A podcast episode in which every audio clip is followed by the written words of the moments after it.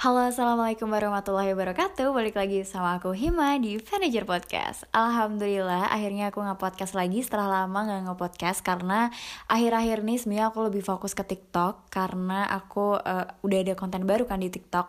Tapi sekitaran dua minggu ini emang aku lagi puasa upload di TikTok gitu. Bahkan mungkin di sosial media lain juga kayak gitu. Di Instagram juga um, ya nggak banyak diskusi lagi sih. Karena emang aku lagi fokus sama diri aku sendiri uh, ada beberapa hal lah yang pengen apa ya rasanya pengen fokus ke diri sendiri gitu. Kadang ada kalanya kalau kalian paham ya konten kreator tuh pasti ada rasa bosen gitu konten ada rasa di mana kayak capek aja gitu. Pengen fokus ke diri sendiri. Dan aku lagi ada di titik itu tapi insya Allah uh, ke depannya uh, aku bakal nyiapin konten-konten yang bagus lagi dan aku tuh rencananya emang pengen hidupin semua sosial media aku nggak cuma di TikTok tapi juga di Spotify, di Instagram maupun di YouTube. Nah buat kalian belum subscribe YouTube aku bisa di subscribe dulu. Dan kalau misalkan kalian belum follow podcast aku kalian follow juga ya.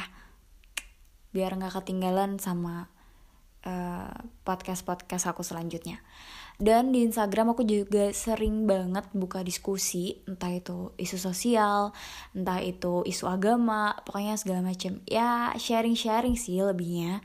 Tapi kali ini aku nggak akan eh, lama-lama lagi bakalan aku bahas satu hal yang sebenarnya ini tuh cukup apa ya mengusik pikiran aku dari lama sih apalagi semenjak aku tuh hijrah gitu.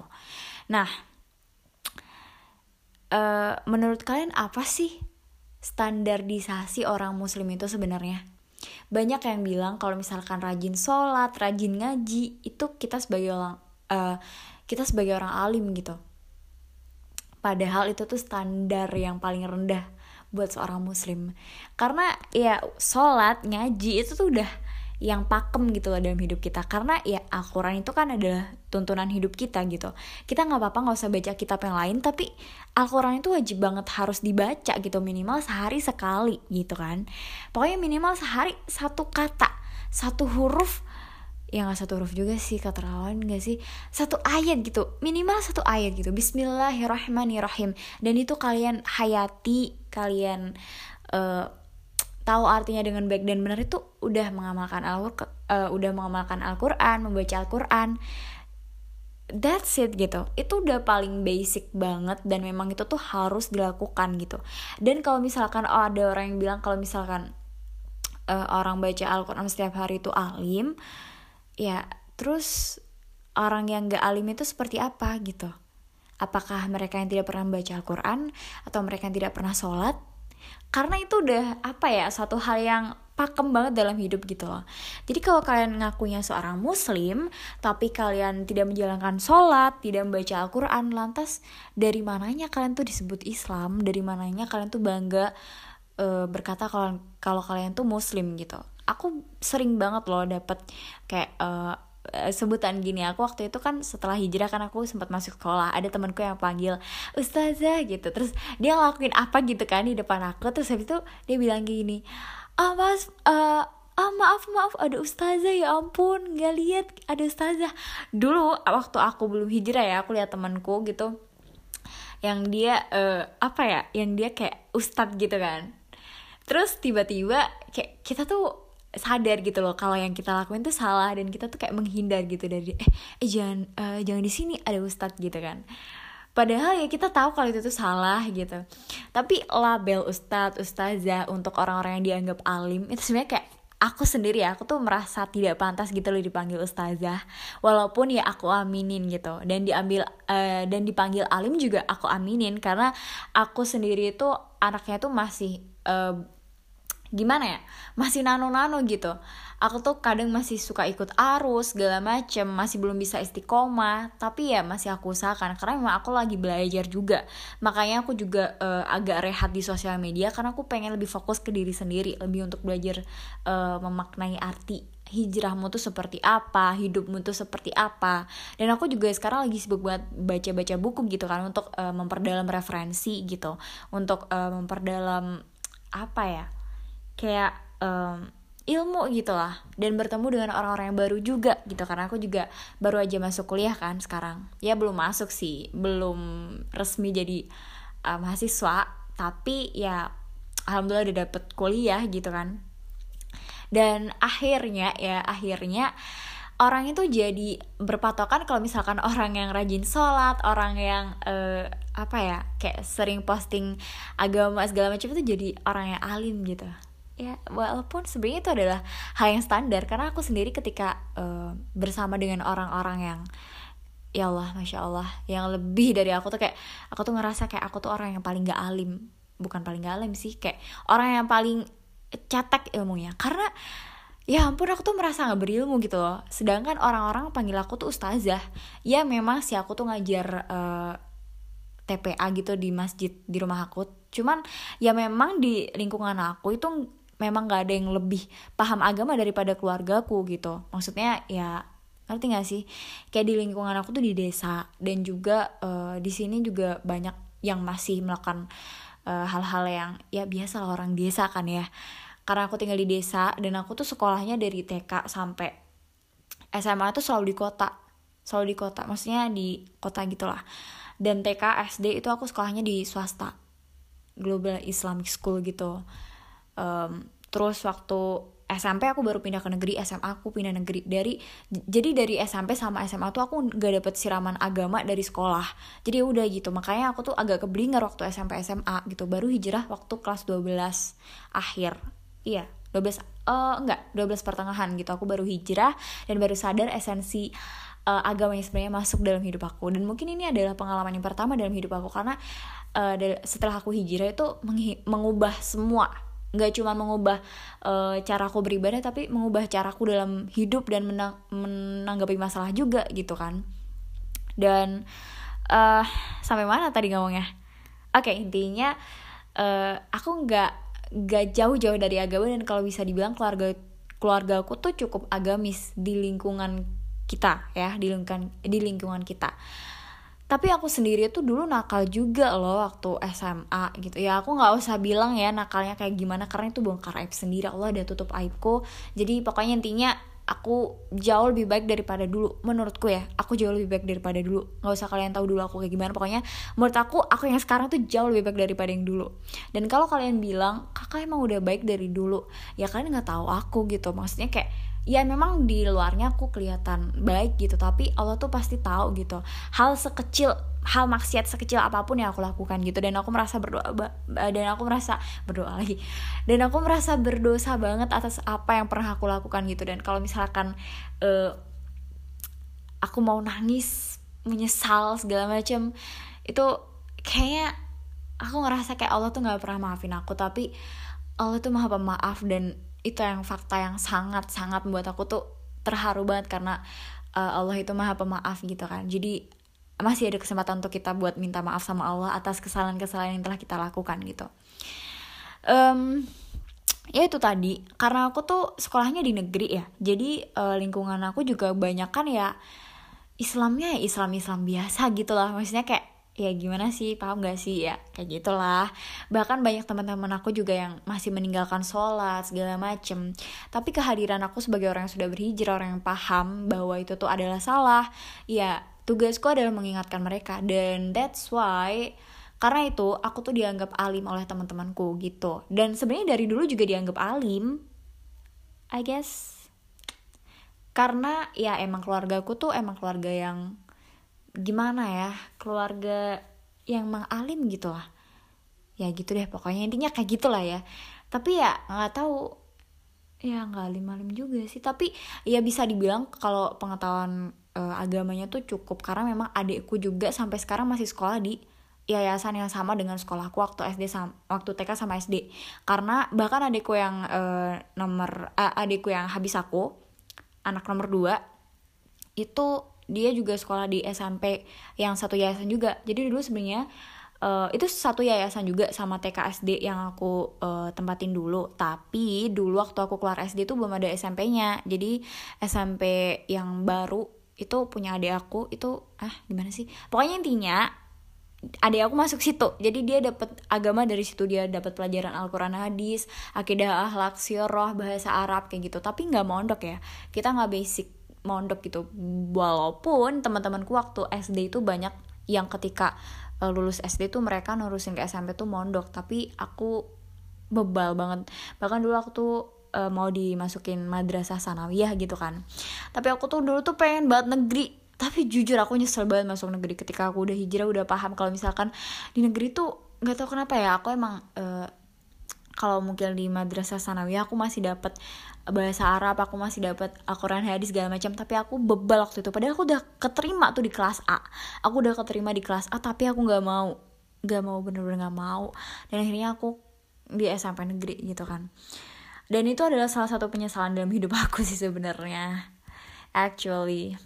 But ya nggak apa-apa. Karena uh, pengalaman itu ada untuk mendewasakan kita untuk memahami bahwa kalau misalkan kita nyesel kayak gitu jangan sampai kita mengulangi jangan sampai kita tuh kayak yang ya gimana ya pokoknya intinya itu jadi pengalaman aja sih.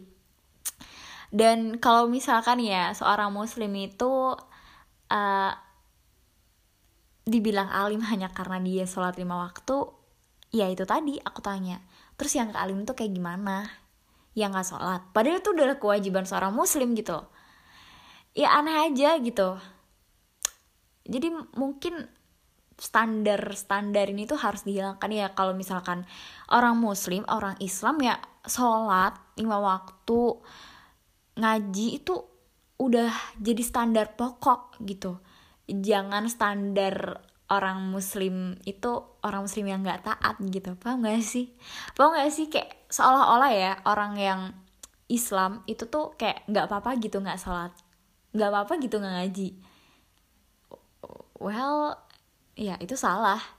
Apakah yang melakukan itu harus orang yang alim bukan orang yang muslim? Padahal itu padahal itu adalah kewajiban seorang muslim bukan seorang yang alim. Ya orang alim itu adalah uh, gimana ya kalau kalian itu lihat lingkaran ya. Lingkaran terus habis itu ada alim nih alim tuh di tengah lingkaran itu gitu. Jadi ya kita sebagai orang muslim orang Islam ya wajib menunaikan sholat wajib menunaikan zakat puasa Ramadan terus juga baca Al-Quran minimal one day one ayat ya.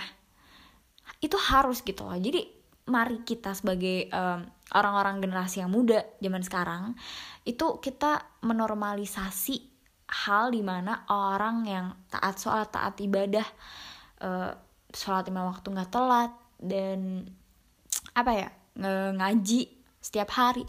Itu ya normalnya seorang muslim ya kayak gitu. Itu predikat yang wajar gitu karena ya memang seorang muslim itu seperti itu harusnya. Makanya harusnya yang dipertanyakan adalah ketika kamu seorang muslim tapi kamu nggak sholat dan nggak pernah ngaji are you okay bro apakah kamu emang bener-bener muslim atau cuma ngaku-ngaku muslim? Al-Quran itu adalah kitabmu loh kayak apa pun yang kamu cari itu ada di Al-Quran. Masalah hidup masalah keuangan kayak masalah gimana caranya menangani diri sendiri. Ketika kamu lagi ada uh, suatu pusing lah sakit segala macam cuman tinggal baca Al-Quran aja semuanya. Jawabannya tuh udah ada di Al-Quran. Allah tuh sudah memberikan Al-Quran tuh sebagai pedoman hidup kita gitu. Dan agama Islam tuh sebagai lifestyle kita. Bukan hanya untuk tempat kita meminta sama Allah gitu. Jadi jangan sampai kita tuh nggak nggak tahu gitu akan hal itu ya. Jadi kita sebagai seorang muslim laganya nih harus sadar dan harus paham bahwa memang sholat ngaji itu adalah hal yang normal dari seorang muslim bukan satu hal yang alim. Kalau alim tuh ya yang mereka mungkin yang mondok yang belajar agama yang ngaji kitab-kitab gitu. Dan aku sendiri belum bisa ngaji kitab-kitab kayak gitu. Sekarang referensiku ya masih buku-buku yang uh, buku-buku yang agama gitu kan. Aku masih aku juga masih butuh uh, bimbingan juga gitu. Jadi memang aku juga belajar gitu. Dan bukan berarti ketika aku lagi belajar kayak gini aku dibilang alim yang udah wah level tinggi gitu. Nggak gitu. Jadi ya sama aja gitu. Kadang aku juga suka ini sih uh, ketika aku dibilang alim itu aku aminin. Cuman kadang ada orang yang bener-bener kayak menitik beratkan aku gitu. Maksudnya kayak apa apa tuh alasannya lah Hima kayak gini kok. Lah Hima dulu pernah kayak gini kayak gini kayak gini segala macam kayak gitu. Padahal ya aku cuman manusia biasa loh. Aku masih punya salah juga loh. Aku masih pernah berbuat maksiat juga loh. Allah juga mungkin kalau misalkan uh, dosa itu berbau mungkin kalian juga nggak mau berteman sama aku loh. Kan karena memang Allah tuh menutup aibku aja sih. Itu sih hebatnya. Yang hebat tuh Allah bukan aku gitu. Jadi kalau kalian bilang Hima tuh pernah gini pernah gini. Iya pernah. Tapi masalahnya aku tuh jangan dijadikan suri tauladan gitu. Ambil baiknya dari aku gitu. Kalau kalian tuh udah tahu kalau aku tuh salah ya udah jangan ditiru gitu. Apalagi aku juga nggak pernah maksa kalian gitu loh untuk um, meniru lifestyle aku atau meniru harus kayak gini kayak gini kayak gini. Karena bahkan apa yang menurut aku baik dari diri aku untuk orang lain tuh belum tentu menurut orang lain tuh itu baik untuk mereka. Paham nggak? Paham kan? Oke okay, paham gitu. Karena aku hijrah pun mungkin banyak yang nggak suka gitu. Banyak yang ngomongin aku di belakang that's okay. Aku nggak apa-apa aku tipikal orang oke okay, kalau misalkan orang mau bilang gitu ya nggak apa-apa sih. Walaupun ya kadang memang terbersit di pikiran untuk kayak aduh gimana ya gimana ya gimana ya. Tapi nggak apa-apa. Nggak apa-apa karena ya emang itu adalah ujian yang Allah kasih gitu kan. Dan aku juga ini sih kadang agak um,